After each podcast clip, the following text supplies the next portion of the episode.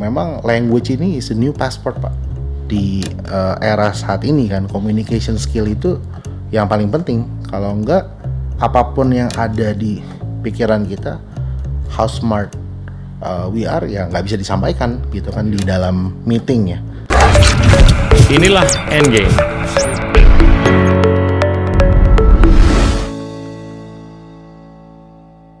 Halo teman-teman, saya sering kali ditanya di sosmed.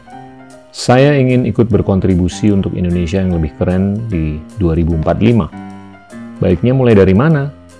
Mungkin salah satu saran saya yaitu belajar public policy. Nah, itulah pentingnya public policy. To change is definitely also policies, right? Dan untuk mendeliver itu, tadi butuh teknologi, butuh uang, dan butuh policy. Nah, Pemahaman terhadap analisis kebijakan itu memungkinkan kita untuk mengaktualisasikan solusi untuk berbagai permasalahan, apalagi yang sifatnya struktural. Tidak hanya di pemerintahan, tapi juga di dunia usaha maupun non-profit. Mantan Sekjen PBB Ban Ki-moon, Perdana Menteri Singapura Lee Hsien Loong, dan jurnalis Rachel Maddow, semuanya adalah lulusan jurusan Public Policy SKPP Indonesia, sekolah public policy pertama di Indonesia dengan bahasa pengantar bahasa Inggris, sedang membuka penerimaan mahasiswa untuk batch terbaru. Untuk detail mengenai program dan cara mendaftar, atau sekedar berkonsultasi mengenai rencana karir teman-teman ke depan, hubungi SKPP Indonesia melalui link yang ada di deskripsi. Now back to the show. Halo teman-teman, hari ini kita kedatangan Tommy Yunus, founder dan CEO dari Cakap. Tommy, thank you bisa datang di thank you, acara kita. It's an honor. Uh, kalau berkenan mungkin bisa cerita. Ya. Yeah. Terus gimana yeah. jalan hidupnya semenjak lahir? Thank you Pak Gita yeah. untuk kesempatannya. Jadi uh, saya sebenarnya uh, background family traditional Chinese Indonesian family. Yep. Uh, papa mama saya perantau dari Bangka Belitung, sempat ke Lampung dulu, lalu end up di Jakarta uh, dari SD sampai SMA dan uh, bukan sekolah top ya, mungkin Pak Gita juga nggak terlalu familiar dan uh, nilai saya juga sebenarnya prestasi saya juga biasa-biasa saja di uh, SD sampai SMA malah cenderung lebih pas-pasan ya, pas-pasan untuk untuk untuk naik bukan, kelas. Bukan gitu. patokan kok. Ya. Bukan patokan. Tapi Betul, SD di mana Uh, saya di Grogol waktu itu, SD uh, Baptis Elim. Nah, jadi uh, setelah itu uh, mungkin yang agak spesial dari masa kecil saya itu adalah saya banyak menghabiskan uh, waktu malah di luar sekolah ya untuk eksplorasi-eksplorasi hal baru gitu. Okay. Dan di saat teman-teman saya mungkin uh, ekstrakurikuler basket, volley, bola atau ikutan English club, ya, saya uh, lebih tertarik itu ke pekerjaan ya. Jadi waktu SMA itu saya coba bikin catering. Siap. Uh, jadi Sabtu Minggu itu saya turun langsung ke uh, apa belanja sayur, buah gitu untuk untuk catering. Terus saya juga sempat join ke multi level marketing. Wow. Nah jadi di sana ya karena itu kan motivasi yang luar biasa ya. Jadi saya pelajari di sana sistem uh, multi level tuh networking seperti apa Terus saya juga uh, karena sekitar tahun 2003 2004 lah ya waktu SMA satu itu saya sudah tertarik ke dunia komputer namanya anak cowok kan. Jadi uh, tapi hmm. karena internet masih limited tahun 2003 2004 jadi lebih ke hardware. Oke. Okay. Lebih ke hardware saya suka ngulik uh, komputer. Uh, jadi saya belajar cara merakit komputer sama teman yang memang punya warnet. Okay. Habis itu akhirnya kita bareng-bareng kita jualan komputer rakitan itu waktu SMA. Jadi uh, selama uh, waktu SMA itu banyak yang nanyain sih, uh, ini pulang malam, uh, kadang sampai nginep gitu ya, karena suka sekali dengan wow. pekerjaan di luar wow. sekolah hmm. itu dan kalau teman-teman saya saya lihat papa apa papa mamanya itu jam 4 jam 5 itu udah teleponin ya udah teleponin kok saya nggak diteleponin nggak dicariin gitu jadi orang tua memberikan ruang yang uh, luar biasa yeah. sampai dikira teman-teman itu kok ini nggak di nggak diurusin gitu ya Nah, terus mungkin uh, fast forward sampai kuliah. Jadi saya uh, kuliah di BINUS, ambil computer science. Oke. Nah, cuman Sekolah bagus tuh. ya yang yang uh, kuliah ini bisa cukup dibanggakan lah ya. Iya. Tapi serabutan saya nggak hilang, Gita. Jadi uh, ambil computer science, tapi saya malah lebih banyak menghabiskan waktu di luar kampus juga. Jadi cuman ini lebih ke uh, serius ya, uh, berbisnis lebih serius. Jadi saya itu selama kuliah uh, pernah uh, jadi sales untuk barang-barang mobil. Ya barang-barang otomotif. Kebetulan kakak saya buka bengkel. Jadi saya waktu semester 1 sampai semester 4 itu saya keliling ATPM ATPM tuh untuk ketemu dengan service advisor atau kepala bengkel ya. Saya tawarin nih ban ini jasa spuring dan lain-lain. Dan lumayan ada hasilnya dari sana ya. Jadi udah kelihatan bakat tradingnya. Terus saya eh, sempat juga jadi eh, wedding organizer. Wedding organizer juga saya cobain begitu Eh, karena waktu itu ada opportunity dan eh, honestly waktu kuliah itu saya eh, lebih suka memang kerjanya ya jadi kuliah itu saya lihat sebagai ilmunya saya serap dan eh, network yang eh, dibangun karena saya juga banyak dapat eh, orderan-orderan atau opportunity dari teman-teman kampus juga kan jadi singkat cerita honestly ya kerja lebih menarik buat saya dibandingkan di Sekolah. classroom ya kan nah jadi eh tapi saya bersyukur juga bahwa dari sana saya jadi punya grassroots knowledge ya Ya. jadi eh, kalau orang-orang bilang tuh street smart. Ya. jadi ketika kita sekarang macro managing kita tahu kira-kira di bawah itu jadi gak gampang dibohongin lah ya. Bisa simple siapanya eh simple katanya seperti itu. Jadi eh, nah what's next nih after kuliah? Ini yang menarik. Jadi kakak saya itu eh, seperti kasih challenge lah ya. Coba deh eh, cari-cari opportunity study overseas Hmm. di luar negeri. Nah kalau buat saya sih kan saya udah ada income tetap dan saya lihat nggak ada urgency juga. Yang tadi Income saya sempat dari cerita. itu kerjaan ya dari kerjaan kanan kiri tadi itu ya. Jadi buat lulusan S1 income saya lumayan lah udah dua digit waktu itu. Dan saya nggak kepikiran sama sekali karena mindsetnya masih sempit ya. Pak Gita saya sekolah tadi di sekolah apa swasta nasional. Terus saya juga kuliah di binus yang eh, kelihatannya itu eh, cukup lah buat saya gitu kan untuk tipikal normal middle class Indonesian nih. Nah terus di challenge sama kakak saya coba deh eh, cari opportunity study overseas dan memang saya lihat ada saudara-saudara dan juga teman yang ke Amerika, ke Australia dan juga eh, Eropa ya kan keren ya untuk bisa study overseas di sana. Terus saya coba riset-riset dan ternyata memang belum jalannya eh, budget saya itu karena setengah-setengah waktu itu ya sama kakak sama saya. Jadi eh, budgetnya itu cuma cukup untuk ke China Oke. waktu itu. Itu pun belajar bahasa Mandarin Di mana? di China. Beijing. Waktu itu saya pilih di Beijing karena ibu kota kan.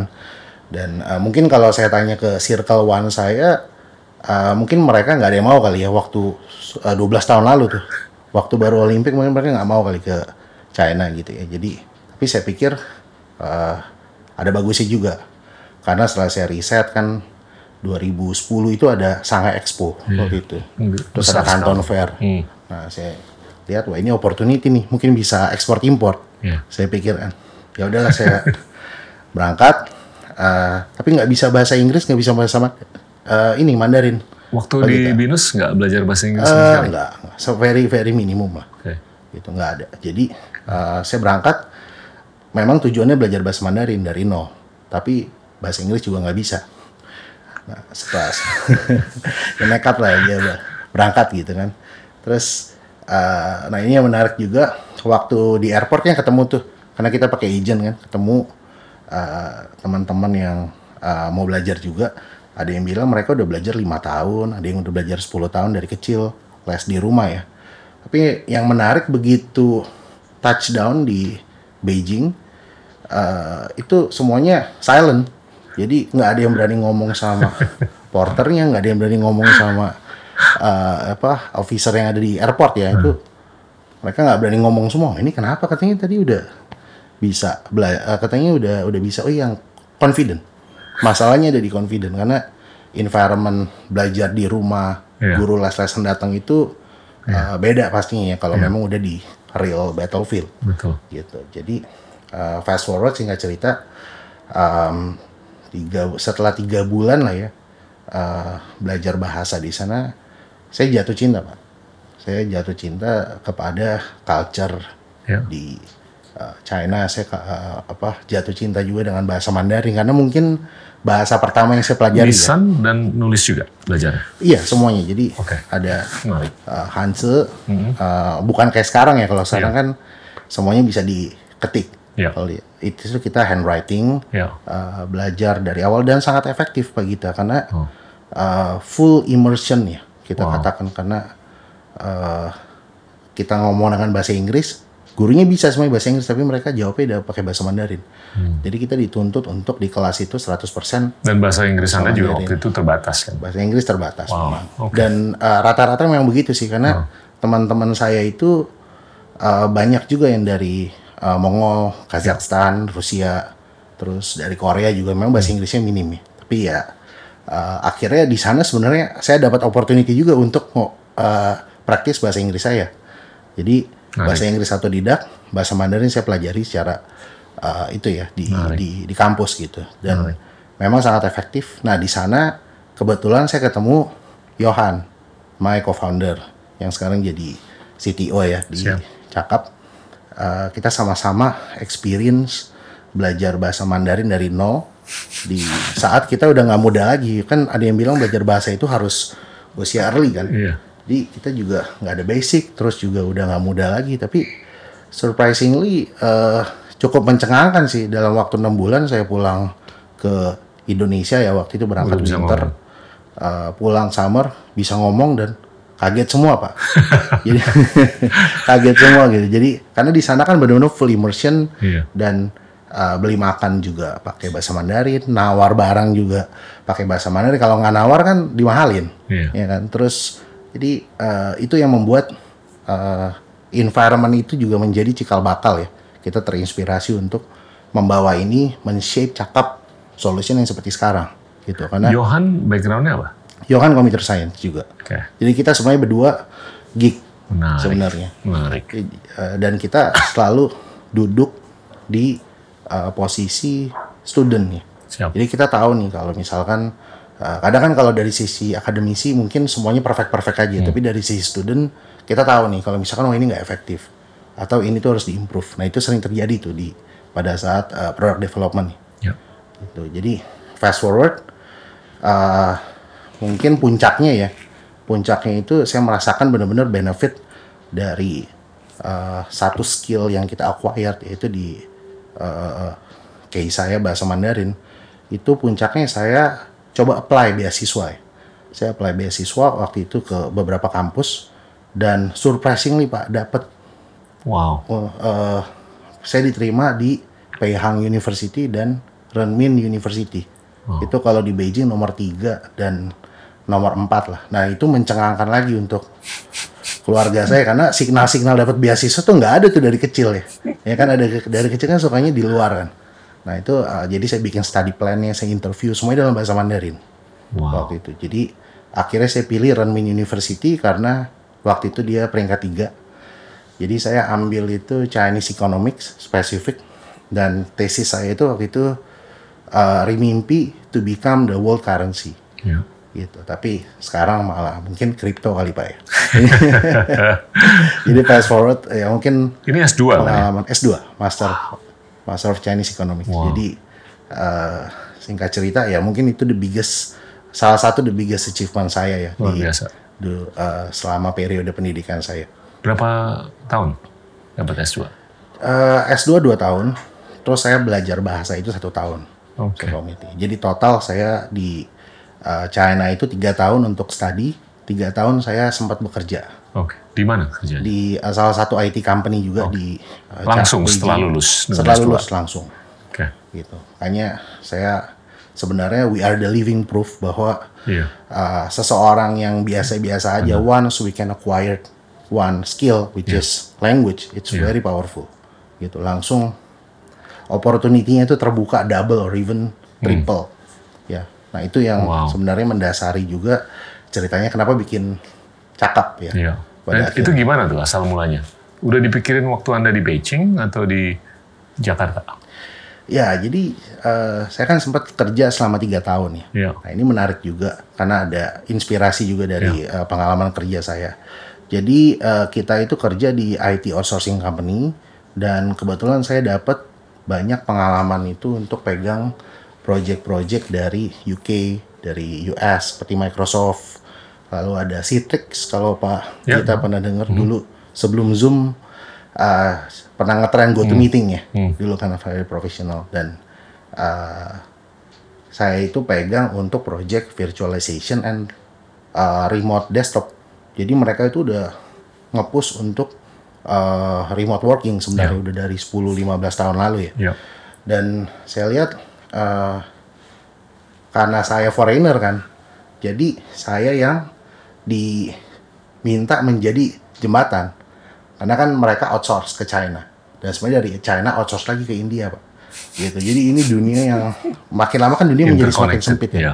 Dan day to day itu meeting kita uh, video call. Nah kalau video call sekarang kan sangat lumrah. Iya. Tapi kalau 10 tahun lalu kan Oh, iya. video call buat saya wah keren sekali, Pak Iya, visioner waktu itu. visioner sekali ada uh, video conference dan cukup uh, apa high tech juga ya peralatannya dan kita itu bisa solving many complex problems itu lewat video call semuanya. Wow. Jadi yang kayak share screen, uh, apa uh, whiteboard dan lain-lain itu 10 tahun lalu uh, kita sudah lakukan di China dan itu sebenarnya juga yang menginspirasi juga. Jadi yang pertama pengalaman triggernya itu sebenarnya uh, karena pengalaman saya di uh, language learning tadi, jadi banyak teman-teman itu dan saudara-saudara tanya ke saya telepon, eh gimana sih kalau sekolah di sana gitu? Karena waktu 2009 kan mungkin nggak banyak yang bisa saya tanya. ya. Nah kalau setelah itu lima tahun sekitar 2013 2014 banyak yang tanya ke saya pak.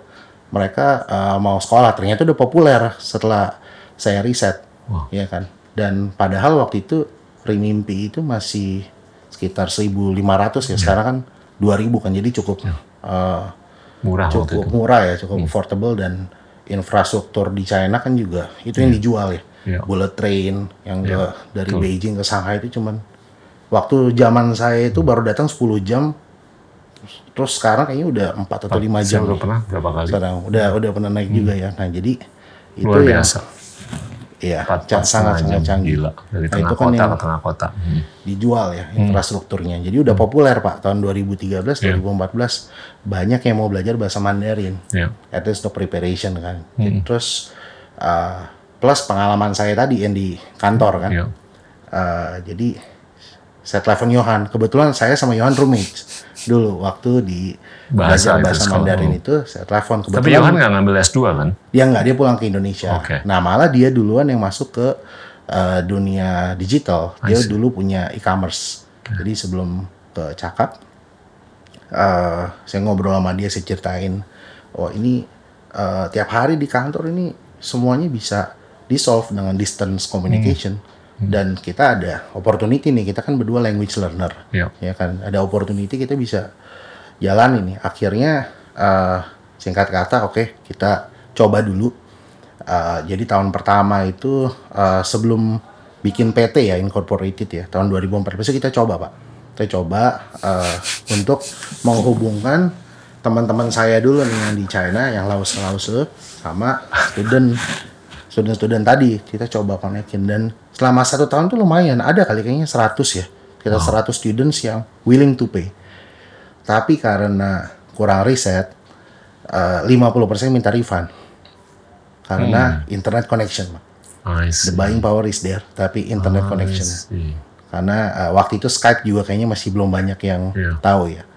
Jadi uh, tapi kita kan udah ngelihat ya digitalization di Iya. China. Saya itu experience uh, transformation dari bayar pakai banknote RMB sampai ke Alipay dan WeChat Pay itu saya ngerasain juga.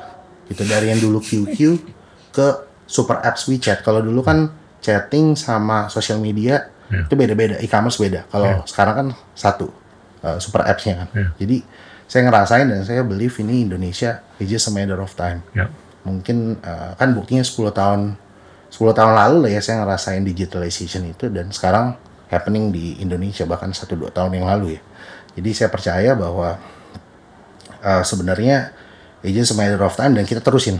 Jadi dari 2015 uh, kita bootstrapping dulu. Uh, jadi Johan resign, Terbentuk saya juga PT resign. yang terbentuk baru 2015. 2015. Oke. Uh, terus kita bootstrapping. Ya. Uh, mungkin kalau orang-orang lain cerita kan mereka starting up di garasi, pak. Ya. Kita garasi aja nggak punya. Jadi, ya oke kita starting up. rumah. Uh, kita coba cari accelerator, accelerator dan incubator. Jadi waktu itu kita ikutan incubator yang punyanya grup Ciputra. Mereka menyediakan office. Jadi kebetulan kita kita ikut di sana satu tahun bootstrap. Um, cukup of course challenging dan uh, tanpa knowledge di dunia digital. Tapi itu kita semua pelajari di incubator, incubator dan accelerator program itu, pak. Yang uh, menurut saya sangat membantu ya, terutama buat yang baru mau starting up dan uh, fast forward 2016 kita dapat seed investor. Nah baru itu mulai serius kita bikin uh, platformnya dan uh, dari awal pendirian itu memang kita hanya bisa capture B2B Ya. karena B2B yang sudah punya budget, terus mereka punya infrastrukturnya di kantor kan ada internet. Sure. Uh, baru kita merasakan itu setelah tahun palaparing, Pak, 2019. 2019 itu ada tipping point di mana Menarik. internet connection semakin murah, Hmm. uh, terus juga jangkauan semakin luas. Sekarang kan internet penetration I think 65% Iya. ya, kurang lebih. Nah itu baru kita dapat tipping point di tahun 2019. Jadi Hmm. tiga tahun itu learning curve, Menarik. learning curve dan uh, sambil mengcapture early adapter dari Hmm. edutech ini. Wow. Terus baru-baru ini seri B kan? Ya. Oke. Nah ini cerita deh mengenai bisnis modelnya Anda sekarang. Eh, anda udah tumbuh tuh luar biasa loh. Kalau tadi ngobrol, udah yang register tuh udah lebih dari 2 juta. Terus yang aktif ratusan ribu. Ya kan? Terus ada berapa bahasa yang ditawarkan? Nah, saat ini kita ada bahasa Inggris, Mandarin, Ya. Jepang, bahasa Korea, terus juga ada bahasa Indonesia untuk ekspatriat. Ya. Gitu. Jadi dari awal berdiri itu kita memang melihat eh, Mandarin sebagai basis ya karena kan pengalaman pribadi. Tapi ya growth-nya juga eh, cukup stagnan waktu itu tahun 2015. Ternyata setelah kita riset memang bahasa Inggris yang demand-nya paling tinggi dan English penetration kita itu Berapa masih rendah Pak. total demand? Kalau di kasus kita more than 70% Pak, bahasa Wow. Inggris. Dan English dua penetration Mandarin ya? nomor dua Mandarin. Oke. Uh, di Indonesia tuh English penetration di bawah 10% Ya. dari data yang kita punya dan itu berarti kan 200 juta orang masih Iya. belum Iya. ke-touch. Jadi ada huge untapped market yang uh, ya masih bisa kita mungkin bukan bahkan bukan di disrupt Pak. Harus kita touch gitu kan. Cerita deh, market sizing-nya gimana? Untuk pemberdayaan bahasa. Ini kan ya kalau kalau saya sih punya pandangan ya, ini luar biasa nih. Tapi kalau dari sisi Anda tuh gimana sih melihatnya? Apa yang bisa ditempuh oleh orang Indonesia dengan peningkatan profisiensi bahasa?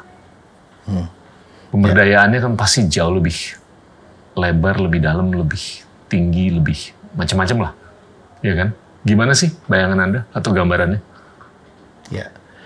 Jadi kalau di mungkin belajar dari kasus kita ya yang Ya. paling uh, tangible uh, bahwa sekarang itu kita baru punya 2 juta registered students dan Ya. itu less than 10% population di Indonesia. Iya. Terus tadi English penetration masih very low, belum lagi penetration bahasa yang lain kan yang juga penting. Dan uh, kita itu masih sekitar uh, lebih dari 60% itu masih Jabodetabek, Pak Hmm. sisanya baru di kota-kota lain. Dan top 10 cities kita itu tahun 2020 itu nggak ada kota di pulau di luar Pulau Jawa. Baru 2021 itu ada kota-kota di luar Pulau Jawa seperti uh, Makassar, Medan, Bali, hanya tiga. tuh. Iya. Nah, jadi ini itu juga kota besar ya. Jadi kita melihat bahwa room to grow-nya masih wow, Ya. it's, it's, it's very huge ya. Ya. Dan um, I'm the living proof. Dan saya believe bahwa language itu juga very personal karena uh, language use itu kan sangat berbeda ya Pak Gita dan saya kan Iya. juga sama-sama ngomong bahasa Inggris tapi beda Iya. dan juga ada accent-accent lagi British, uh, Australian. Oke. Di bahasa Mandarin juga ada Pak untuk Iya. mainland dan China mainland dan uh, Taiwan kan. Iya, beda. Jadi ini sangat luas dan dari uh, cohort, Iya. student cohort itu juga mereka perlu di refresh. Seperti Iya. saya gitu kan, saya udah um, balik ke Indonesia udah tujuh tahun, ya saya masih perlu banyak refreshment course juga Ya. uh, untuk bisa maintain ya. Jadi ini benar-benar panjang dan luas opportunity-nya. Dan kalau uh, apalagi di dunia sekarang semua kan Hmm. one call away, Pak. Ya. Kita mau ambil project dari mana pun, kita Ya. mau ambil opportunity dari mana pun ya. Dan bukan hanya IT ya.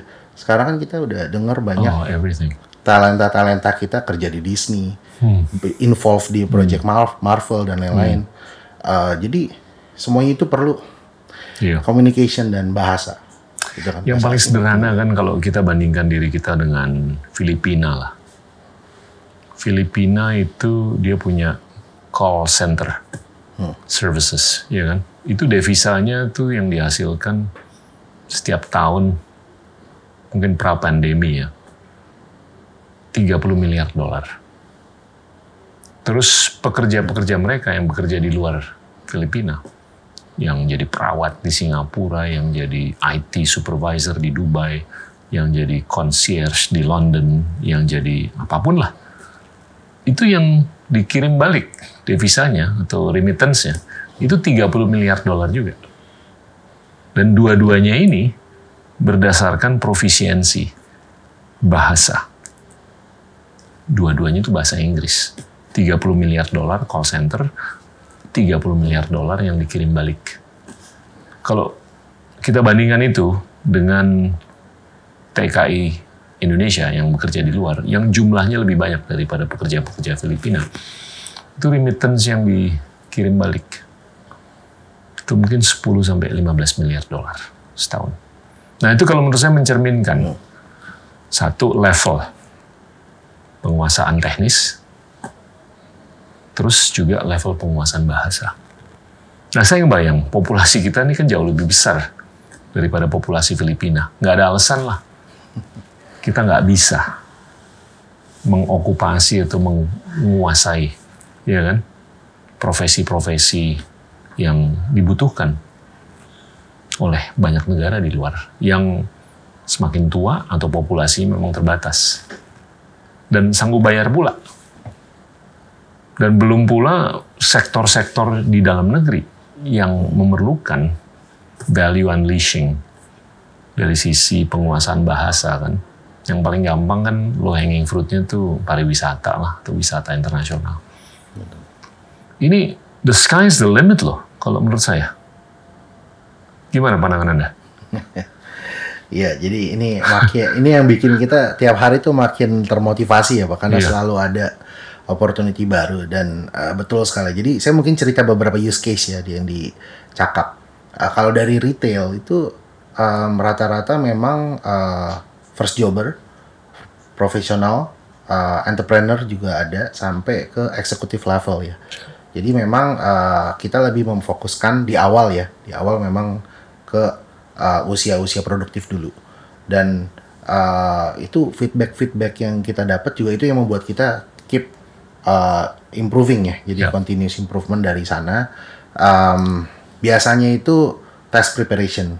Jadi kita ada student itu kerja di salah satu kementerian dan itu ada dapat opportunity untuk uh, beasiswa ya di luar negeri tapi IELTS-nya harus 6.5. Ya. Nah itu uh, karena Cocok kesibukan bisa belajar di kita gitu kan. Lalu ada lagi importir yang biasanya dulu pakai forwarder uh, setelah bisa belajar bahasa Mandarin yang memang nggak instan ya Pak, butuh waktu bisa 2 Ya. sampai tiga tahun. Uh, akhirnya mereka direct import mandiri ya kan. Terus ada lagi klien kita uh, IT company ya di Jogja, ada yang di Malang juga agency. Ya. Um, itu mereka tadinya di outsource dari Jakarta.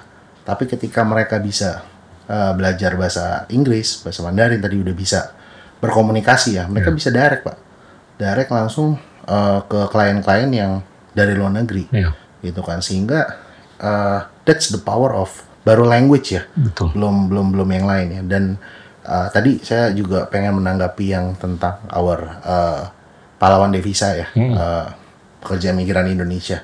Eh, saya juga ada pengalaman ini something yang saya mau crack. Hopefully Bu Ida Fauzia denger juga.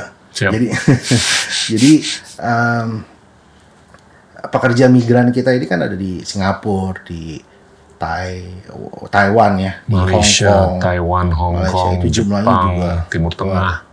Ya. jumlahnya juga besar ya. Iya. Tujuh puluh ribu, enam puluh ribu kalau nggak salah di Taiwan, di Hong Iya. Kong.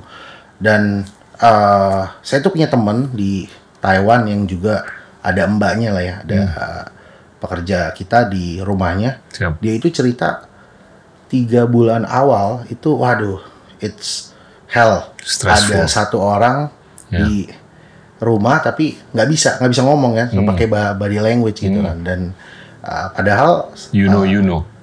Exactly dan akhirnya jadi dia yang repot dia harus ngajarin kan. Heeh. Nah ini juga satu opportunity dan saya tanya willing nggak kalau misalkan dia bisa bahasa Mandarin untuk bayar lebih. Ya. Dia bilang beda 100-200 dolar sih I'm, I'm willing yang penting eh, apa Ya. ya headache gone gitu. Iya. Jadi em, ini juga satu opportunity dan jumlahnya kan sangat besar ya. Ini juga salah satu yang kita mau crack juga pak. Iya. Jadi sebenarnya it's huge tapi harus memang satu persatu dan kita mulai dari low hanging fruits dulu memang Betul, ini yang di depan betul. kita gitu. Saya ngeliat bahasa Mandarin, Jepang, Inggris. Itu luar biasa. Highly in demand. Ya kalau di Saudi aja, Arab Saudi, itu orang Filipina. Banyaknya minta ampun. Jadi concierge, jadi hotel manager, jadi IT manager, gitu. Dan mereka nggak muslim. Tapi mereka penguasaan bahasanya tuh luar biasa. Orang India juga. Ya India sih di mana-mana ada, iya kan? Nah, ini saya mau angkat satu topik mengenai wisata atau pariwisata. Ini kan pengunjung ke Indonesia pra-Covid ya, itu kan puncaknya tuh di 15 juta dari luar negeri. Negara kita ini jauh lebih besar daripada negara-negara lain di Asia Tenggara kan, tapi ada satu negara lain namanya Thailand yang jauh lebih kecil daripada Indonesia. Itu wisatawan internasionalnya setahun tuh 40 juta. 10 juta dari Tiongkok, 30 juta dari mancanegara. Iya kan? Nah, kalau saya mikir, nggak ada alasan untuk Indonesia itu nggak bisa dapet lebih dari 40 juta. Bahkan kalau saya hitung, kalau kesiapan infrastruktur kita yang non-lunak ya, itu udah mapan banget. Terus promosinya juga keren banget dan tentunya udah mencapai normalisasi dari COVID. Nggak ada alasan untuk Indonesia tuh nggak bisa mencapai 150 juta wisatawan internasional. Bisa dibayang nggak sih? Tour guide, supir, barista, waiter, IT manager, hotel manager yang dibutuhkan yang mana semuanya tuh harus bisa berbahasa internasional. Jadi multiplikasinya dari 100 dari 15 juta ke 150 juta wisatawan internasional. Itu bludak tuh cakep. Iya kan? Karena mau nggak mau, ya kita bisa hitung satu wisatawan internasional perlu berapa orang Indonesia yang bisa berbahasa internasional. Kalau rasionya satu banding satu, ya minimum kita harus ada 150 juta manusia di Indonesia yang bisa berbahasa internasional. Tapi kalau rasionya satu banding dua, kita perlu 300 juta orang Indonesia yang bisa berbahasa internasional kan? Kalau pakai rule of thumb tadi, 70% Dari bahasa populasi kita. Exactly. Lebih dari populasi kita. Nah ini kalau ya tinggal gimana gosoknya aja. Dan ini kalau menurut, menurut saya ini multi agency, multi lembaga harus dikoordinasikan untuk mencapai titik kulminasi kayak tadi itu. Gimana pandangan Anda? Ya, itu relate sekali Pak dengan kita ya. Jadi uh, sekitar tiga tahun lalu ya, kita itu karena semuanya online kan Pak, semua Iya. digital, uh, kegiatan sales dan marketing juga semuanya digital. Siap. Itu uh, kita ada satu uh, klien uh, namanya itu bawaan Ambas Foundation ya. Jadi uh, kita kira klien biasa, Pak. Hmm. Klien biasa. Terus setelah itu um, pada saat kelas pertama kita lihat kok ini uh, seperti di sekolah tapi kok kayaknya agak minimum gitu ya fasilitasnya gitu kan. Terus kita coba cek, wah ternyata ini di Kepulauan Anambas, Pak. Wow. Klien kita di ke- di Kepulauan Anambas dan mereka organik Itu indah sekali loh saya dengar. Exactly pak. Jadi datang ke kita organically dan mereka uh, kelas seperti biasa aja. Dan ternyata di sana sudah ada palaparing kan, terkoneksi dengan palaparing dan internet koneksinya itu kalau nggak salah 2 sampai kalau nggak salah sekarang tuh udah 4 Mbps ya. Itu tahun 2019. Nah setelah itu langsung kita kontak, wah ini luar biasa sekali. Dan saya uh, kebetulan juga apa visit ke sana juga pak. Dan itu perjalanannya setengah hari ya. Dari naik pesawat ke Batam dulu, terus naik pesawat baling-baling, Oh, naik baling-baling ya. terus naik ya? kapal, Ya, naik ke kapal. Kepulauan Anambas. Jadi ada Ya. satu uh, pulau itu student kita di uh, Kiabu, desa Kiabu namanya. Populasinya kurang lebih 800 sampai 1000 orang. Yang kerennya itu tadi udah terkoneksi internet dan uh, saya kaget loh Pak.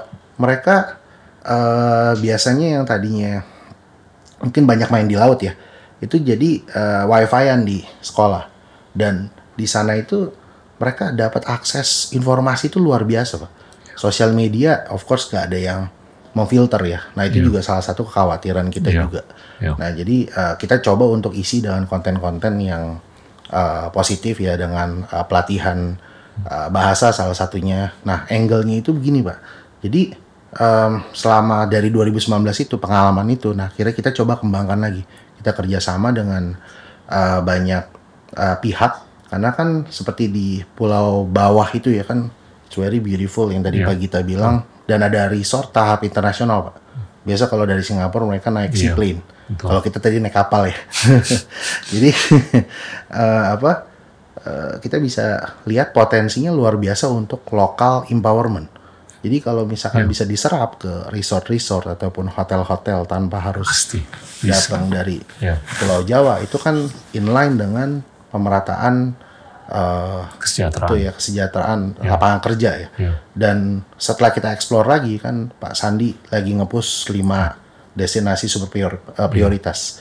Nah kita juga kerjasama juga dengan berbagai pihak termasuk dengan Kemenparekraf untuk memberikan pelatihan juga dan very relatable Pak. Iya. Karena eh, yang kita coba develop di Cakap juga bukan hanya tech angle-nya. Iya. Jadi memang saya dan Johan uh, ada background di produk computer science, tapi uh, kita mulai hire team of academician Hmm. dari tiga tahun lalu untuk mereka itu bisa agile in developing the content.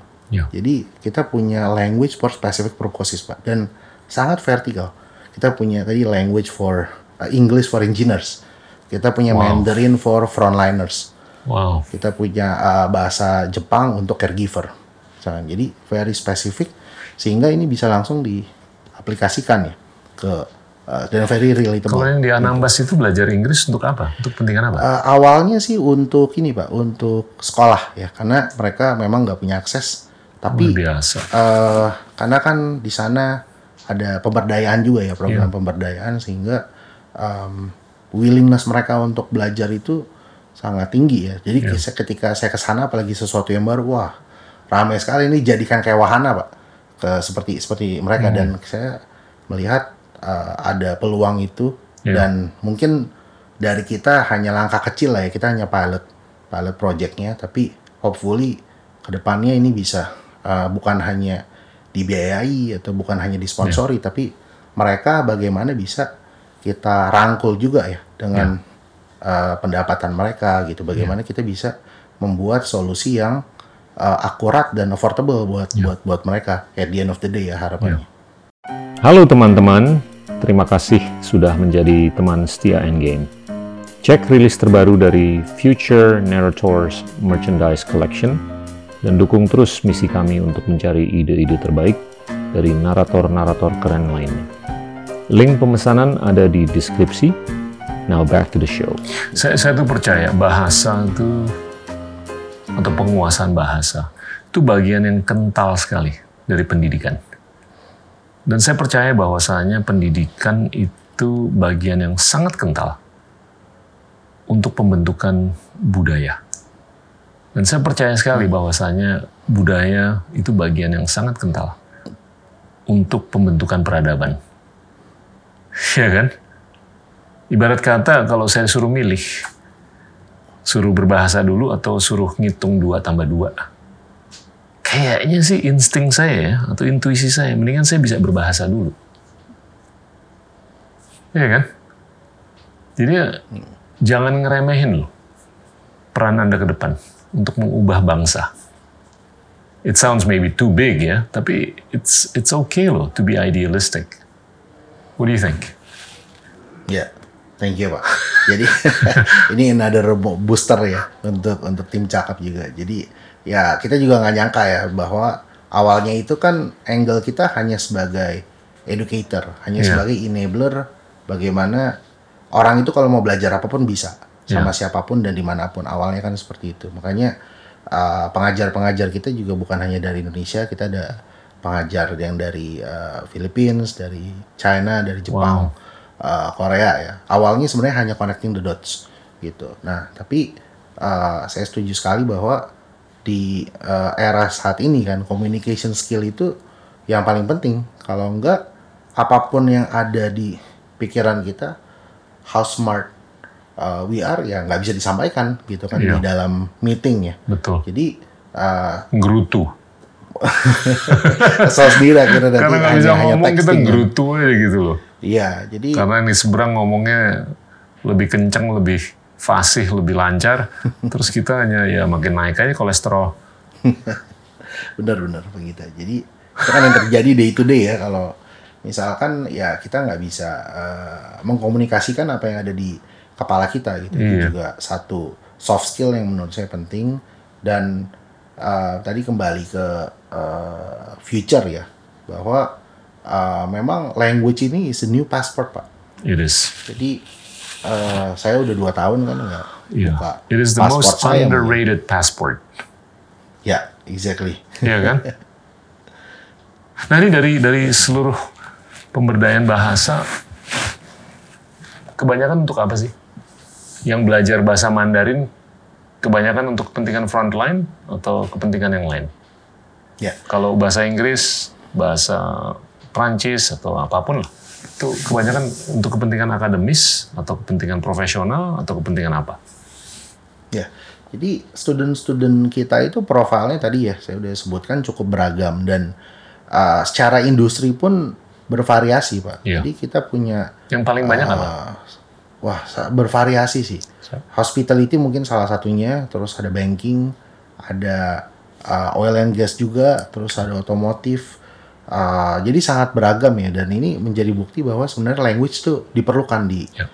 uh, vertikal mana pun ya. Dan uh, mungkin ada beberapa, beberapa use case yang uh, menarik juga misalkan yang di hospitality tadi bagaimana dengan uh, bisa bahasa Mandarin misalkan itu kan ada direct impact pak ke income Ya. ya kan ada direct impact ke in- ya, income paling tidak ya kalau di hospitality itu mungkin tipnya ya tipnya bisa lebih tinggi dibandingkan uh, yang nggak bisa bahasanya gitu. Kan Nelson Mandela uh, quotes-nya kan mengatakan if you talk uh, uh, with with someone in a language that he understand that goes to his head.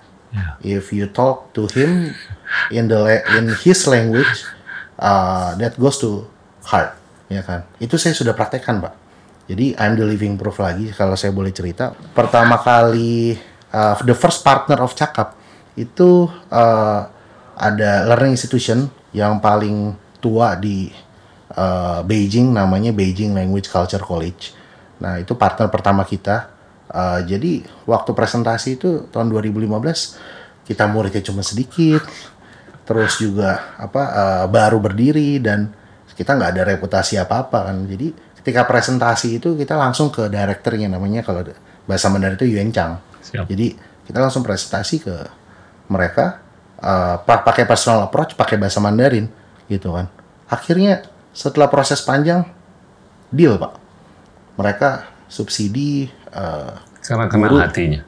Karena itu yang saya percaya kita berusaha semaksimal mungkin untuk menghormati dia dan bicara pakai bahasa dia, gitu. pakai bahasa Mandarin. Jadi mungkin kalau pakai bahasa Inggris saya rasa terlalu profesional ya, gitu. Jadi um, itu mungkin sukses sukses story dan saya lihat ini orang Indonesia memang uh, kita sebenarnya ada talenta kan Pak, accent kita kan netral ya. Iya. Jadi sebenarnya uh, nggak terlalu sulit buat kita Iya. mau ke arah bahasa Inggris atau ke arah bahasa Mandarin itu nggak terlalu sulit. Tapi memang perlu investasi waktu. Nah, nah, speaking of time, cerita deh kalau ada orang awam dia mau belajar bahasa Mandarin untuk dia bisa berkomunikasi lah. Itu perlu berapa lama sih? Kalau dia register di Cakap Ya, jadi balik atau lagi ini. nggak usah di Cakap, tapi dia mau belajar bahasa Inggris dengan konsep yang sama gitu. Rata-rata perlu berapa lama? Ya. Em, makanya di Cakap itu kita mencoba untuk mengedepankan personalized learning ya Pak ya. Jadi memang eh, kita ada kelas-kelas yang eh, lebih eksklusif seperti private. Jadi kan learning at your own pace. Karena kemampuan setiap orang itu benar-benar sangat berbeda Pak. Ada Iya. yang bisa eh, menyelesaikan course itu dalam waktu enam bulan ya untuk beginner satu. Fasih langsung. Dia bisa Um, beginner satu sih uh, daily conversation ya paling enggak ya. untuk daily conversation masih bisa tapi belum masuk ke verbal aja, tapi belum bisa nulis dan segalanya. nulis sebenarnya sudah bisa Oke. uh, tapi lebih ke typing ya lebih ke Siap. typing and reading reading uh, the Chinese characters nah uh, tapi ada juga yang dua tahun itu nggak selesai selesai jadi kita punya student juga yang dari tahun 2015 itu seharusnya mungkin udah selesai semua course dicakap tapi dia Mungkin dia suka belajar kali. di level high beginner ya karena very enjoying the class ya karena Iya. ada human interaction di Iya. sana dan uh, jadi sangat personalized dan kita mencoba untuk membuat teacher ini menjadi uh, core dari kelas delivery jadi Iya. highly interaktif dan human touch-nya itu sangat tinggi pak di cakap that's what we believe bahwa Iya, iya. um, human itu harus jadi center of the innovation. Jadi uh, kita masih ada graduation day digital ya. Kita masih ada parents day, parents uh, meeting. Terus kita juga uh, ada student success division yang fokus memang untuk konsultasi dan juga membantu uh, student-student kita kalau ada masalah ya di in their learning journey. Jadi high touch-nya itu masih Iya, iya. high uh, human touch itu masih very high di di kita ya karena uh, itu yang kita percaya bahwa ya guru itu um, harusnya dibikin lebih mudah dengan teknologi. Iya. Jadi kalau guru kita komplain ya atau ada feedback ini uh, harusnya UI-nya dibikin seperti ini, itu kita prioritaskan, Pak. Hmm. Itu kita saya langsung bilang sama Yohan, wah ini harus diutamakan ya, karena uh, satu guru itu setiap hari dicakap itu bisa ngajar uh, sampai ratusan orang, Pak, Wow. dari satu lokasi ya. Wow. Jadi uh, effectiveness One on dari- one dengan 100 orang atau semuanya dibungkus? Jadi saat ini di Cakapi tadi kita ada kelas private, Uh-huh. ada kelas grup. Terus itu untuk yang uh, segmen yang kita katakan premium lah ya. Tetap Ya. kita harus serve juga. Ya. Tapi ada mass market yang juga kita capture, Pak. Oke. Nah, we actually leveraging from our uh, in-house develop technology kan Iya. untuk bisa bikin bagaimana yang mass market ini juga bisa di Ya. cover juga jadi inklusif ya semuanya dapat tapi masih interaktif nah Ya. itu yang menarik dari teknologi kita uh, punya kelas yang webinar jadi tetap Menarik. highly interaktif tapi bisa 100 orang di dalam kelas Menarik. ya, kombinasi antara uh, quiz uh, video juga di sana nah uh, jadi guru itu bisa ketemu dengan grup ya kan? Uh, bisa juga ketemu dengan yang tadi webinar yang ratusan. Jadi satu hari itu dia buka laptop guru dari satu lokasi mungkin I think 5 to 6 hours ya ini Iya. dia teaching. Mereka bisa uh, impacting hundreds of students pak dari depan laptop mereka Iya. itu Ini eh, kalau orang tuh mau menguasai bahasa dalam enam bulan, itu perharinya berapa jam? Ya, oke. Le- learning language kalau dari pengalaman Iya. saya sih nggak bisa uh, full ya harus konsisten. Yang Iya. paling penting konsisten. Jadi di Berjam-jam sehari atau nggak perlu. Nggak perlu. Nggak perlu. Kalau Oke. uh, untuk bahasa Inggris aja kita we even have 25 minutes class per, ses- uh, per sessionnya 25 menit pak. Terus Oke. uh, untuk bahasa Mandarin memang lebih lama sekitar 50 menit. Oke, tadi bahasa Mandarin dalam enam bulan orang bisa berkomunikasi kan. Ya. Kalau bahasa Inggris sama juga dalam Bahasa bulan. Inggris mungkin uh, faster ya karena Oke. kalau untuk daily conversation aja Iya. uh, biasanya itu per program kita set di 3 months to 6 months lah ya Oke, per per level dan dia udah bisa get by lah, Iya kan? ya dan orang Indonesia lebih gampang Iya. bahasa Inggris karena kan udah udah ada exposure-nya ya dari digital dari YouTube dan lain-lain biasanya bahasa Inggris lebih cepat sih Ini saya ngebayang kalau kalau ya orang di pelosok-pelosok lah, iya kan, yang akses ke pendidikannya itu mungkin anggaplah lebih terbatas daripada orang-orang yang di kota-kota besar. Kalau dia tahu bahwasanya dalam waktu tiga bulan, dalam enam bulan, dia tuh bisa menempatkan dirinya di level yang jauh lebih tinggi daripada sebelumnya, karena dia bisa berkomunikasi dengan komunitas internasional untuk kepentingan yang jauh lebih keren daripada sebelum-sebelumnya. Itu game changing loh. kan? It's it's gila nih. Dan sekali lagi kalau kita bungkus dalam konteks yang tadi kita bahas, yang paling gampang tuh pariwisata. Iya kan? Dan saya selalu ngomong bahwasanya di pariwisata itu yang paling mudah untuk membuahkan lapangan kerja per orangnya itu cuma 3.500 dolar per orang dibandingkan manufaktur. Untuk membuahkan satu lapangan kerja di manufaktur tuh kurang lebih 150 ribu dolar. End to end ya kalau kita hitung ya. Jadinya ngebayang nggak kalau tiba-tiba 100 juta orang dari mancanegara berkunjung apalagi bisa mencapai 150 juta? Terus seluruh masyarakat luas di Indonesia menyadari dengan penuh keyakinan bahwa mereka tuh bisa menguasai bahasa apa pun hanya dalam waktu enam bulan. Ya kalau mau mendalami sih 2-3 tahun juga boleh. Tapi supaya dia bisa diberdayakan, ya kan? It's life changing, bukan hanya game changing. It's life changing. Nah, Anda tadi ngomong berapa kali mengenai guru kan? Saya tuh sering kali ngomong mengenai guru. Cerita deh, gimana Anda tuh mengseleksi guru supaya program ini nih benar-benar bisa dipertanggungjawabkan.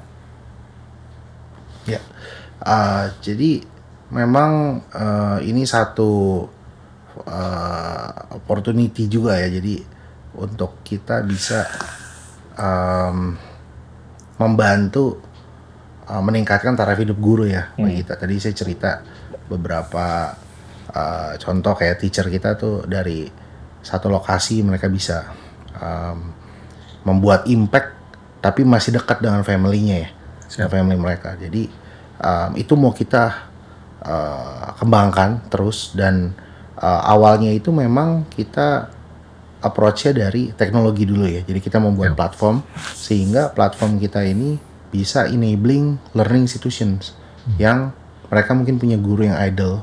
Mereka tidak punya uh, malah gurunya ready tapi tidak ada murid untuk diajar gitu kan. Awal ini before covid ya.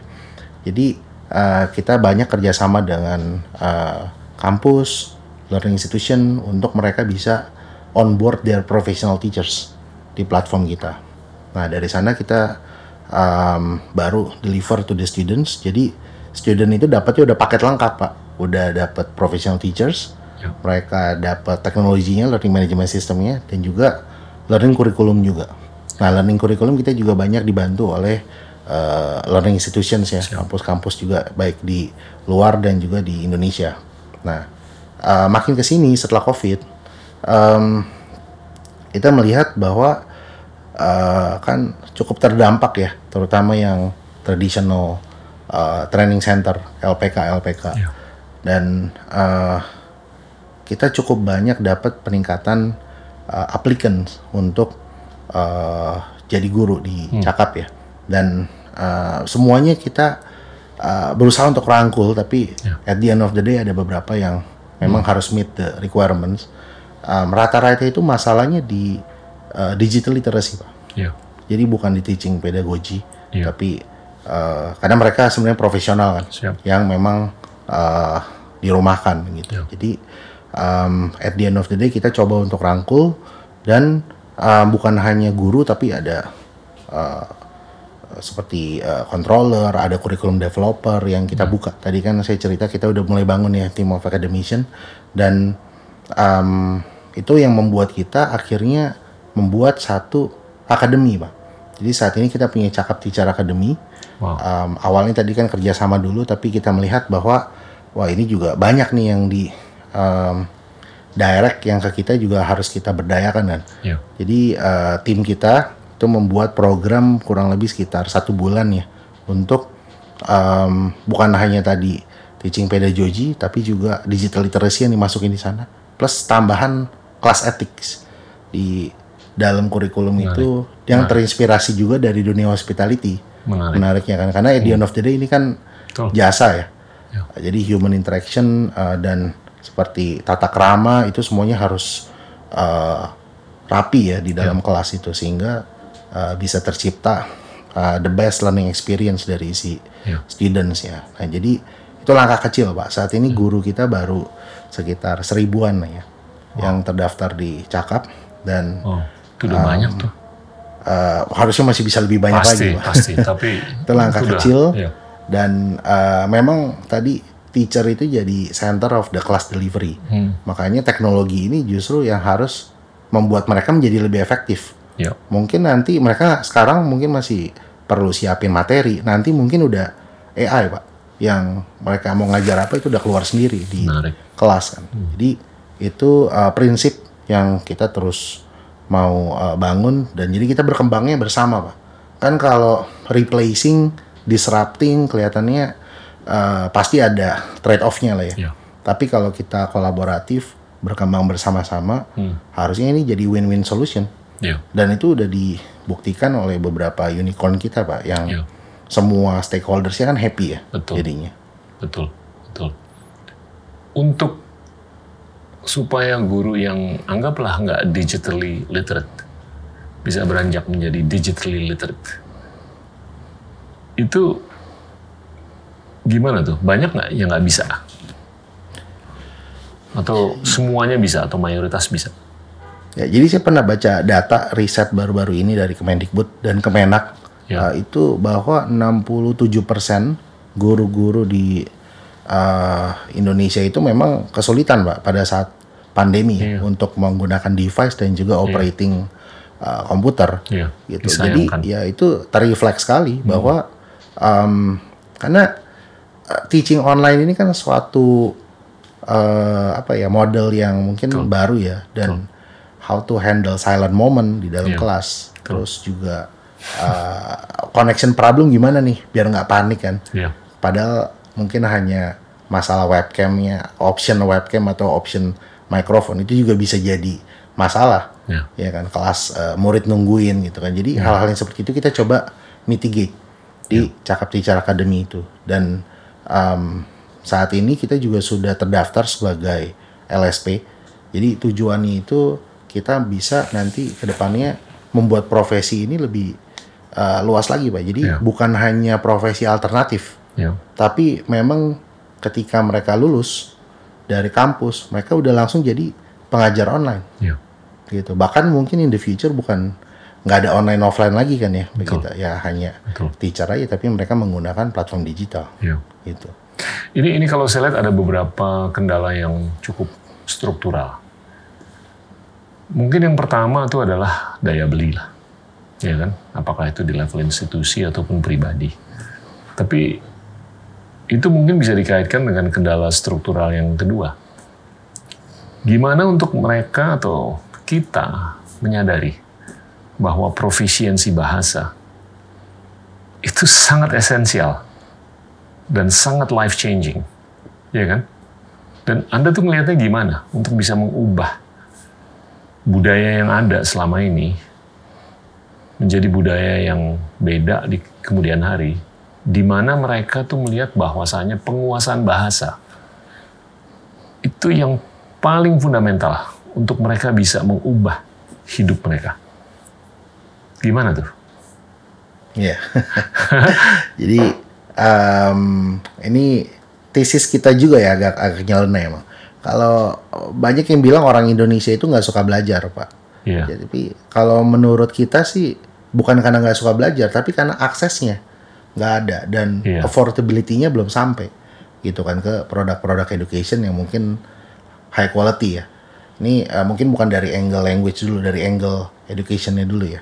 Jadi em, bagaimana kita bisa eh, membuat teknologi itu atau solution yang accurate, yang tepat dan sesuai dengan mereka punya uh, spending power ya. Iya. Dan itu bisa dilakukan dengan digital. Bahkan uh, ke depannya nanti mungkin bisa freemium ataupun uh, completely free gitu ya. Jadi uh, tesis kita itu Pak dan itu juga dari saya ketika kita ada opportunity, ketika kita suka sesuatu kan, mungkin di akademik uh, saya nggak terlalu interested tapi di uh, practical learning, di vocational I'm really into it gitu. Dan yang penting ada akses, ada opportunity. Nah ini yang memang uh, secara digital harusnya bisa dipercepat penyebarannya dan Saya lebih ngeliat opportunity-nya. Ini harus disadari. Kalau opportunity-nya sudah disadari, itu learning-nya tuh akan ngikut. Dia mungkin bisa dianggap males karena dia belum tahu adanya opportunity. Ini kan causality-nya tinggi nih antara ini dengan yang itu kan. Jadi kalau menurut saya ini cukup struktural. Gimana untuk masyarakat luas di Indonesia tuh menyadari atau bisa sadar bahwa ini opportunity gila loh kalau lu bisa bahasa Mandarin, lu bisa bahasa Inggris, lu bisa bahasa Prancis, lu bisa bahasa Spanyol. Apa pun lah. Iya kan? Dan nggak tahu pandangan Anda gimana? setuju sekali harus ada kuenya apa ya at the Iya. end of the day-nya apa. Um, Carrotnya kan? Exactly. Dan uh, kalau saya lihat makronya kan uh, bisa dari pemerintah ya. Misalkan tahun 2019 itu ini kita berasa ya Pak ya. Iya. Uh, waktu slogan SDM unggul Indonesia maju Iya. tahun 2019 ya. Itu uh, dan uh, ya mungkin karena internet connection juga tapi kita ngelihat ada tipping point sejak uh, digaungkan slogan itu tuh. Iya. Jadi uh, stakeholder-stakeholders dari uh, klien-klien B2B kita juga mereka jadi mulai aware bahwa um, upskilling itu penting Ya. dan ya, investment ya dan kita sama-sama kan mau bergerak ke Indonesia Mas 2045 kan. Iya. Jadi uh, awareness itu bisa dibangun dari atas tapi di grassroots juga saya melihat um, memang ada uh, apa ya dunia digital ini dari sosial media, YouTube mau nggak mau uh, pentingnya bahasa Inggris, bahasa Mandarin itu uh, kepus juga pak. Jadi di cakap menarik, menarik. saya cerita bahwa um, sebelum COVID student kita itu demografiknya 60% beginner, uh, 30% intermediate baru yang sisanya master, advance dan uh, test preparation nih. Nah, setelah COVID, Pak, uh, kita dapat search dari Pasti. first time learner. Jadi sekarang demografinya 90% beginner. 10% baru yang lain-lainnya. Iya. Jadi eh, ya mungkin belum ada datanya tapi kita merasa yang 2019 itu nendang banget yang SDM unggul Indonesia maju ya. Betul. Jadi sekarang em, kita eh, makanya itu juga yang membuat kita sekarang guru-guru kita banyak lokal pak. Kalau kita emp- empowering more local teacher lewat yang cakap teacher academy karena eh, relate sekali karena banyak first time learner nih. gitu. Jadi ketemu antara supply dan demand kan. Iya. Nah, jadi eh, signal-signal kecilnya udah ada Amin. bagi kita di Amin. cakap ya. Jadi Oke, Anda Anda udah menyentuh nih bagian terakhir dari diskusi kita, yaitu menuju 2045. Kita ngobrol dikit lah mengenai ini ya. Saya saya saya setuju bahwasanya kesadaran mengenai pentingnya atau kepentingan untuk bisa berbahasa internasional itu sudah mulai terasakan di kalangan masyarakat luas. Ini atas kesadaran diri kan. Yang saya mau tanya di kalangan pemimpin, apakah itu swasta atau pemerintahan, apakah itu di level pusat ataupun di daerah. Anda masih mendeteksi nggak sih adanya kesungkanan di sisi mereka untuk menggaungkan bahwasanya masyarakat luas itu harus bisa berbahasa internasional. Gimana? Nah, ini menarik sih ya. Oh, Em, mungkin bukan sungkan ya, tapi lebih malu kali ya Pak ya karena saya saya bisa mengerti gitu karena saya itu sebelum tadi dapat opportunity mereka sendiri mungkin banyak yang nggak terlalu menguasai. itu dia Pak. Iya kan? mungkin malu kali karena uh, saya pun malu gitu kan Uh, sebelum saya bisa bahasa asing waktu di sekolah itu uh, saya merasa minder juga waktu satu dua bulan pertama gitu merasa minder gitu kan Siap. dan um, saya bisa ngebayangin bisa ngerelate ke uh, memang yang uh, belum ada opportunity-nya ya Iya. jadi mereka mau keluar pun ya butuh push gitu, butuh memang diberikan ada opportunity-nya gitu kan. Selain tadi mungkin uh, sweetener-sweetener yang bisa dikasih lihat di sosial media dan Iya. lain-lain. Um, jadi um, saya bisa bilang mungkin ya ada, Iya. um, tapi selama kita bisa uh, tadi memberikan solusi yang memang bisa dijangkau oleh mereka dan benar-benar solutif ya, bukan Iya. hanya fokus di pembelajarannya, tapi kita juga harus fokus di resultnya kan. Pasti. Jadi Pasti.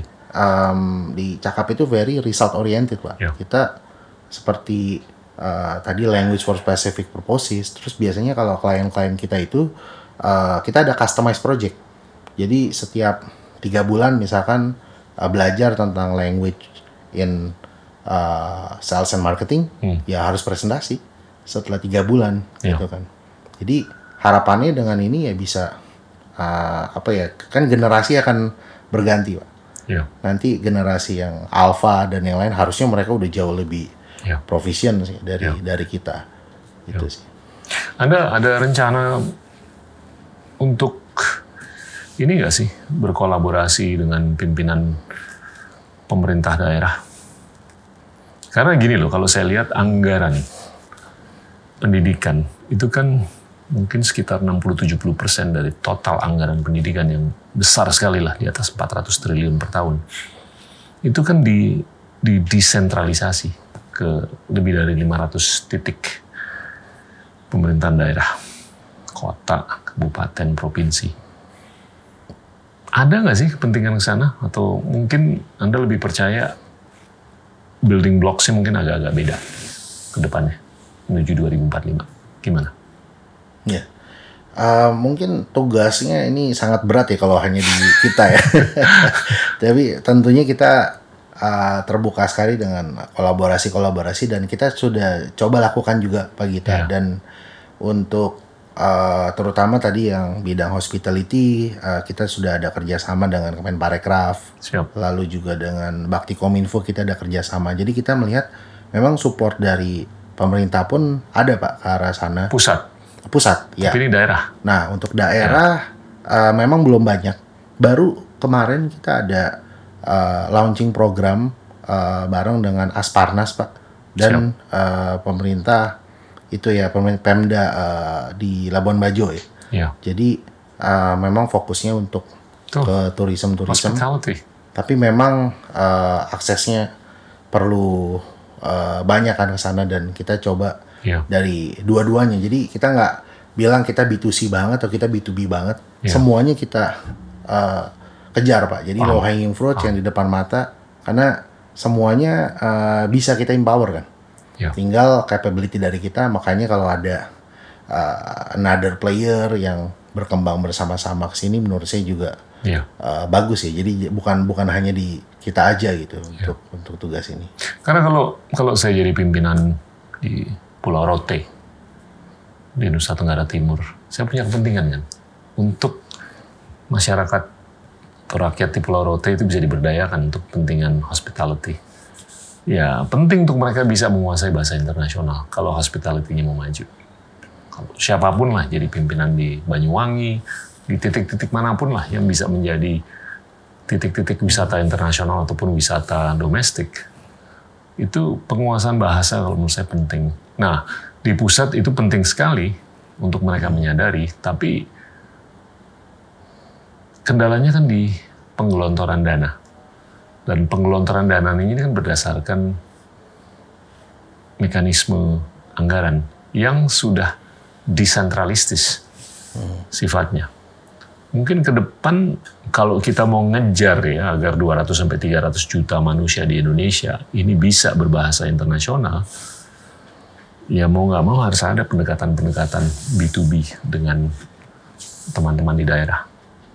Nggak tahu, saya sih melihatnya you have to shoot for the stars, right? Nah ini mungkin Moonshot. Iya. Terus gimana bayangan Anda menuju 2045? Cakap tuh gimana bisa berperan? Ya, jadi eh, of course eh, harus ko- kolaboratif ya untuk bisa Iya. mencapai Indonesia emas 100 tahun Indonesia. Jadi memang edutech kita melihat eh, bisa menjadi driver dan um, mungkin nanti di 2045 bukan edutech lagi ya, it's just another education company gitu ya. Tapi uh, memang digitalisasi ini bisa membuat uh, equality of education dan memang visi awal kita itu untuk connecting kan tadi, Iya. connecting student dan juga teachers.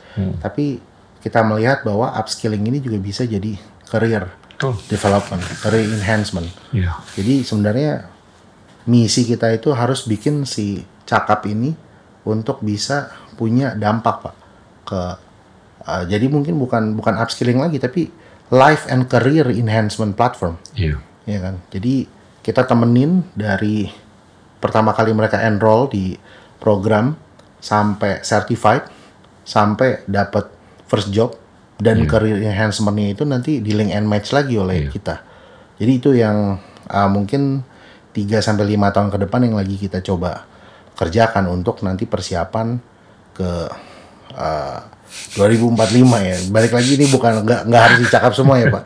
Dan uh, our former uh, Minister of Manpower uh, Pak Hanif kan ada mention bahwa kita itu perlu mencetak 3,8 juta new skilled workers Pak. Iya. Tenaga ahli ya. Iya. Kalau nggak salah sekarang 57 atau 58 juta, target itu 113 juta. Iya. Nah, At least. at least at saya. least lagi 113 juta tenaga ahli itu Iya. kan nah ini eh, harus kolaborasi dan memang harus menggunakan digital karena Iya.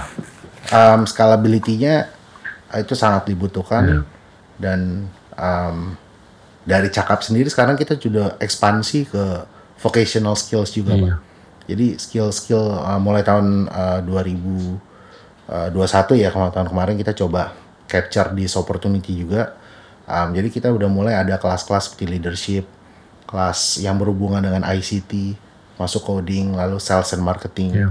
Entrepreneurship itu kita sudah mulai capture juga karena demand-nya juga uh, ada dia da- yang muncul secara organik ke kita ya. Bahwa Kita tanpa riset pun student-student kita yang di retail itu karena mereka Iya. udah nyaman, ya mereka bilang tambah konten dong. Lalu dari B2B klien juga juga sama minta Iya. tolong tambah konten terutama soft skill ya untuk kayak leadership, presentation skills. Wah Iya. itu eh apa high demand banget pak Iya. skill-skill seperti itu sekarang dan em, ya menurut saya bonus demografik Indonesia itu kan sekarang pak Iya. bukan nanti kan jadi ya jangan tuh. jangan sampai hilang nih Hmm. malah eh, menurut saya jurusnya itu justru dari vokasi Iya. dari pendidikan-pendidikan yang praktikal tadi language learning Low vokasi hanging fruit tuh vokasi. Exactly. Nah, itu yang bisa membawa kita benar menuju Indonesia emas ya. Jadi ada exponential growth dengan kalau kita touch dan invest di vokasi. Karena dalam waktu 2 tahun, tiga tahun itu dampaknya kelihatan loh, Pak. Iya. Saya ngeliat gini loh, di di di negara kita tuh mungkin masih ada unsur-unsur yang yang agak-agak menganggap penguasaan bahasa internasional itu tabu. Ya kan? Anggaplah itu nasionalisme yang saya sangat sangat sangat hormati. Tapi saya juga bisa berargumentasi di Tiongkok itu nasionalismenya luar biasa tinggi. Tapi kalau saya lihat orang-orang dari Tiongkok, itu kehausan mereka untuk belajar bahasa internasional itu gila. Iya kan? dari sisi jumlah yang dikirim ke Amerika Serikat setiap tahun 400 sampai 500 ribu orang dikirim ke Eropa untuk belajar bahasa Prancis, Spanyol, Itali, sampai Yunani, macam-macam lah, iya kan? Dan itu nyambung dengan keinginan mereka untuk menjadi bangsa yang besar, nasionalisme yang bisa diinternasionalisasikan, nyambung dengan keinginan mereka untuk menjadi peradaban yang besar, dan mereka sudah menjadi peradaban yang besar semenjak 5.000 tahun yang lalu. Nah, Mungkin aja Indonesia perlu berpikir kayak begitu kan. Gak usah sungkan untuk bisa ngomong Jawa, ngomong Sunda, ngomong Batak, ngomong bahasa Indonesia, tapi ya mbok kalau bisa belajar juga bahasa Mandarin, bahasa Prancis, bahasa Spanyol, Itali, Inggris. Iya kan? I think that would be really cool kalau kita bisa menginternasionalisasikan diri. Nah ini saya sering kali mengangkat apa yang dilakukan oleh Singapura. Ya, Lee Kuan Yew itu di tahun 60-an dia tuh tekad untuk menggunakan bahasa Inggris untuk seluruh masyarakat luas di sana. Untuk beberapa kepentingan, tapi dua kepentingan besarnya adalah satu, tentunya untuk menyatukan multi etnisitas keturunan India, Tiongkok, dan Melayu, ya kan? Supaya mereka bisa membaur berkomunikasi satu sama lain. Tapi kedua, kalau menurut saya kepentingan yang lebih besar adalah gimana mereka bisa mengglobalisasi diri. Ya kan?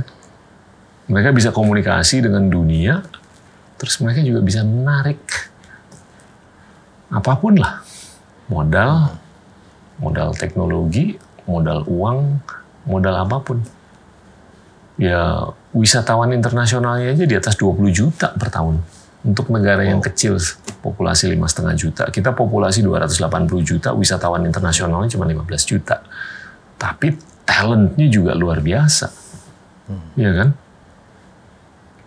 Jadinya intellectual capital yang bisa diproyeksikan dan intellectual capital yang pengen berpartisipasi dalam narasi Singapura.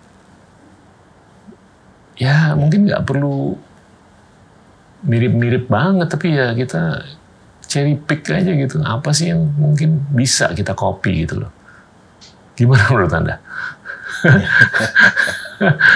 Ini uh, antara apa internalization and uh, apa bagaimana kita juga bisa uh, ini ya um, apa menguasai bahasa asing tadi. Jadi kalau menurut saya angle-nya dua sih, yeah. Pak Gita. Memang Indonesia ini kan bangsa yang besar yeah. dan kita we have the biggest workforce in Southeast Asia yeah. dan um, harusnya kita yang bisa set the standard. Siap. Ya, tapi sebelum sampai ke sana, ya mungkin memang kita harus uh, develop our economic performance dulu ya. Betul. ya. Dan saya lihat actually uh, it's the other way around dari 130 juta tenaga kerja yang ada di Indonesia. Kalau sebagian yeah. besar atau semuanya bisa berbahasa internasional, economic performance kita bakal meningkat. Betul, betul. Dan ada uh, risetnya Pak, kalau nggak salah datanya dari UN itu dipublish di Harvard uh, itu ya review ya HBR. Jadi um, ada strong correlation antara uh, economic performance of a country uh, kalau nggak salah GNY GNI-nya itu dengan English Proficiency Index. Yeah. Jadi no wonder ya negara-negara seperti Singapura ya ekonominya bagus, English proficiency-nya juga hmm. yang tertinggi di yeah. Asia. Nah, saya rasa um, kita bisa mungkin menaikkan uh, tadi English proficiency atau lang uh, foreign language proficiency kita dulu. Betul. Um, at certain point ya kita we should uh, be the one who rule Pak harusnya. Betul. Karena kita uh, apa bisa uh, punya yeah. supply strong supply yeah. dari uh, Indonesia yeah. dan uh, itu talenta talenta kita saya nggak nggak kalah. kalah sih nggak dari kalah. kita punya engineer okay. dari kita punya yeah. apa kreatif ya yeah. dan itu sebenarnya tinggal masalahnya di language and at certain point kita putar balik betul tinggal ekosistemnya nih gimana supaya setiap orang tuh menyadari bahwa eh keren loh kalau lu bisa berbahasa internasional, iya kan? Tapi kayaknya masih ada yang ganjel nih. Jangan, iya kan? Nah itu kayaknya harus di, di, di apa ya di overcome.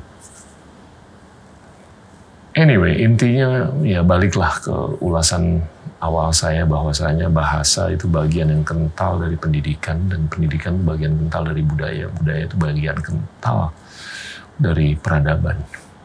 Ya, jadinya apa yang Anda lakukan ya ini bukan hal kecil.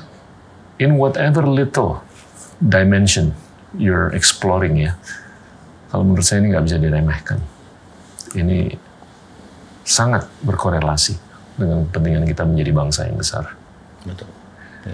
Ada pesan-pesan akhir, Tommy? Ya, kalau untuk bahasa sih specifically mungkin pelajari bahasa asing, lalu utamakan bahasa Indonesia dan lestarikan bahasa uh, daerah, Pak. Ya, dan Amin. uh, Amin. akan sangat banyak ya manfaatnya Ya. untuk kita bisa melakukan itu dan I'm the living proof of it. Siap. dan uh, mungkin uh, setelah belajar setelah acquire skill terus what's next ya Ya. mungkin saya juga mau encourage uh, anak-anak muda Indonesia itu untuk starting up ya karena Ya. vertikal di Indonesia itu masih banyak banget yang kosong pak Ya. dan uh, saat ini kalau dilihat mungkin di edutech sendiri ya tadi kan kita perlu banyak kolaborasi dan uh, nanti at the end of the day uh, akan ada uh, startup startup ataupun company-company baru yang building solution itu sangat niche on top of the current solution Ya. jadi itu udah kita lihat di negara-negara ya developed country like China, Korea. Jadi opportunity-nya tuh nggak akan habis. Jangan dilihat kita sudah ada uh, beberapa unicorn, Iya. ya kan udah nggak ada opportunity lagi itu uh, sebenarnya luas banget sih dengan tadi Iya. uh, apa opportunity bangsa kita yang yang sangat besar ya. Jadi Iya. I'm really encouraging uh, apa anak-anak muda Indonesia untuk keep upskilling Ya. become a lifelong learner dan uh, start something. Ya. Dan ini nggak ada kendala umur kan. Bukan berarti yang bisa belajar yang upskill tuh hanya yang muda-muda aja kan. Ini pesan untuk orang yang udah umur 40-an, 50-an juga berlaku kan. Of course, of Iya course. kan?